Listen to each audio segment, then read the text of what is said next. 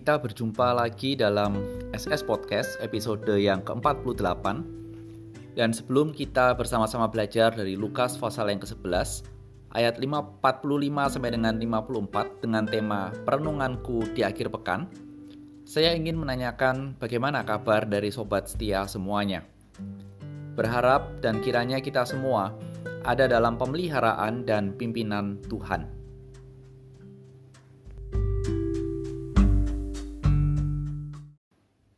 Seorang dari antara ahli-ahli Taurat itu menjawab dan berkata kepadanya, "Guru, dengan berkata demikian engkau menghina kami juga." Tetapi ia menjawab, "Celakalah kamu juga, hai ahli-ahli Taurat, sebab kamu meletakkan beban-beban yang tak terpikul pada orang, tetapi kamu sendiri tidak menyentuh beban itu dengan satu jari pun. Celakalah kamu, sebab kamu membangun makam nabi-nabi, tetapi nenek moyangmu telah membunuh mereka." Dengan demikian, kamu mengaku bahwa kamu membenarkan perbuatan-perbuatan nenek moyangmu, sebab mereka telah membunuh nabi-nabi itu, dan kamu membangun makamnya.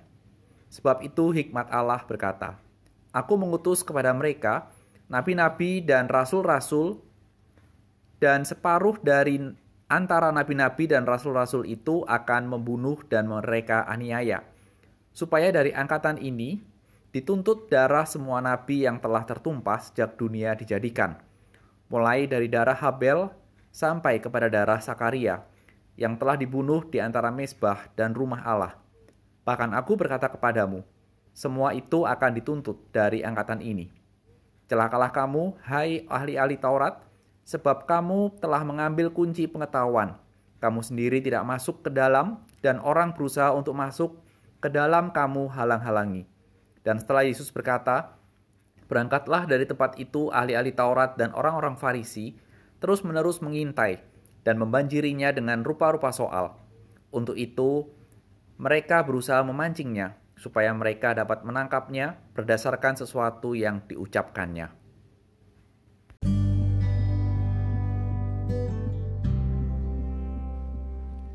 Sobat setia, mari kita berdoa.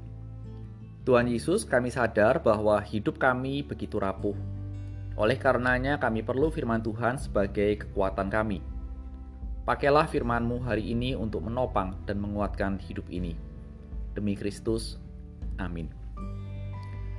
Sobat setia yang terkasih, di negara kita ada pepatah yang mengatakan bahwa sekali dayung dua tiga pulau terlampaui.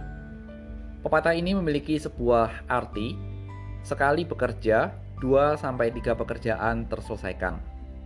Hal ini yang menjadi yang terjadi di dalam bacaan kita. Karena ketika Tuhan Yesus menegur orang Farisi, ternyata teguran itu juga dirasakan oleh ahli Taurat. Mereka berasa bahwa teguran itu juga ditujukan kepada mereka. Dan kita tidak tahu bagian mana dari teguran Tuhan Yesus kepada orang Farisi yang dirasakan oleh ahli Taurat menghina mereka. Tapi ketika tuh ketika Lukas menuliskan bahwa ahli Taurat merasa terhina, Lukas menuliskan secara jelas identitas ahli Taurat bahwa orangnya adalah ahli Taurat. Sehingga kita mesti melihat bahwa Lukas memberikan sebuah kekhususan kepada kelompok ini. Dan kalau kita belajar, ahli Taurat adalah sekelompok dengan orang Farisi, satu grup begitu. Namun, mereka adalah kelompok yang sangat menguasai bidang Taurat. Mereka betul-betul ahlinya. Makanya disebut ahli Taurat. Dan biasanya orang-orang inilah merekalah yang duduk dalam mahkamah agama saat itu. Bila kita melihat bahwa mereka adalah orang-orang yang boleh dikatakan terpandang karena mereka memiliki jabatan, mereka memiliki posisi dan mereka sangat menguasai hukum-hukum Taurat, tapi justru merekalah yang mendapat teguran keras dari Tuhan Yesus. Sebuah teguran yang kalau kita pelajari tidak kalah kerasnya dengan teguran yang Tuhan Yesus alamatkan untuk orang Farisi. Seperti apa teguran dari Tuhan Yesus?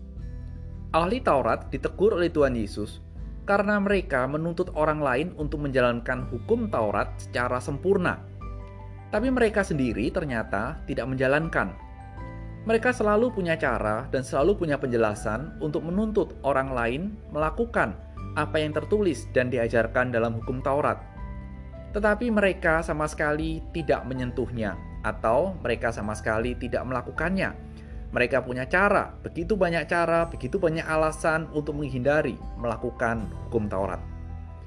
Sobat setia, bahasa sederhana yang saya pakai untuk menggambarkan teguran Tuhan Yesus terhadap ahli Taurat adalah jangan menjadi orang yang hanya bisa berteori, menguasai teori, tapi tidak bisa mempraktekkan. No action, talk only. NATO, kira-kira itulah yang sering kali terdengar di dalam era kita. Hal ini menjadi sebuah warning atau peringatan juga bagi kita. Kenapa? Karena sering kali kita sebagai orang Kristen, anak-anak Tuhan, sangat memahami, menguasai pengajaran dari Alkitab.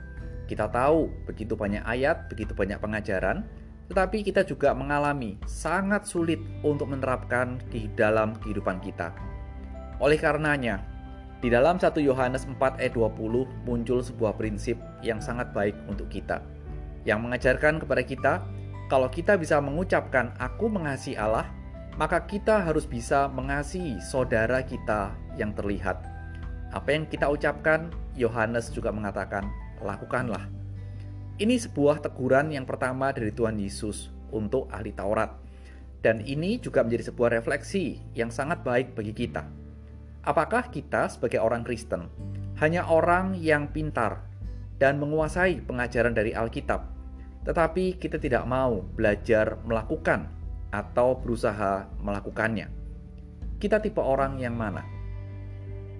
Selamat meresponi teguran yang pertama ini. Dan teguran yang kedua, bagi ahli Taurat adalah mereka lebih menghormati nabi-nabi yang telah mati daripada yang hidup dengan membangun kubur yang nabi-nabi yang telah meninggal itu. Seakan-akan terlihat bahwa mereka sangat menghormati nabi-nabi yang diutus oleh Allah.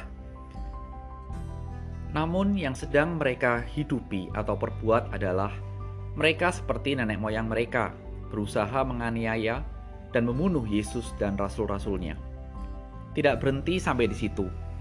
Mereka yang ahli dalam pengetahuan soal hukum Taurat seharusnya menerangkan dan mendidik orang untuk hidup dalam hukum yang benar. Tapi mereka justru menyembunyikan pengetahuan yang mereka miliki itu dari orang lain, bahkan menghalang-halangi orang lain untuk mempelajarinya.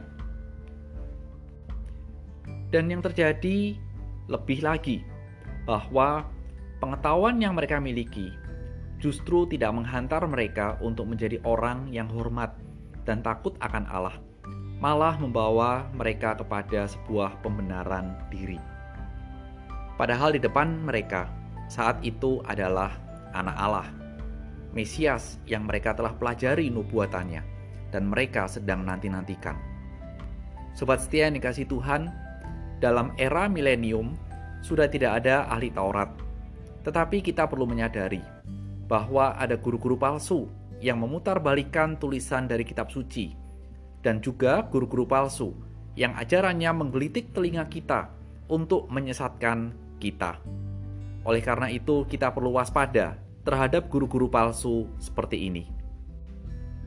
Dan ketika ahli-ahli Taurat itu mendapat teguran dari Tuhan Yesus, apa yang menjadi responnya? Ternyata ahli Taurat bukannya sadar atau menyadari kesalahan mereka, atau setidaknya mempertimbangkan peringatan dari Tuhan Yesus yang telah disampaikan kepada mereka. Tapi respon mereka tidak berubah. Orang sering mengatakan kepeh, keras kepala. Mereka terus-menerus akhirnya menyerang Tuhan Yesus secara bergantian bersama-sama dengan orang Farisi untuk mencari kesalahan dan bisa menangkap Tuhan Yesus.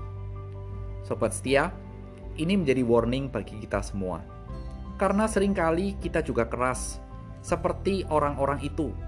Ketika kita mendengar firman Tuhan yang menggempur keberadaan dosa dalam hidup kita, apakah kita juga memiliki hati yang keras seperti mereka?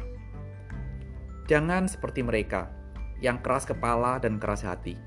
Ketika kita membaca Alkitab, percayalah bahwa melalui firman Tuhan, Tuhan mengungkapkan keinginan keinginan kita yang berdosa supaya kita menyadari, kita sadar itu tidak boleh dan tidak tidak boleh dilakukan karena itu berdosa.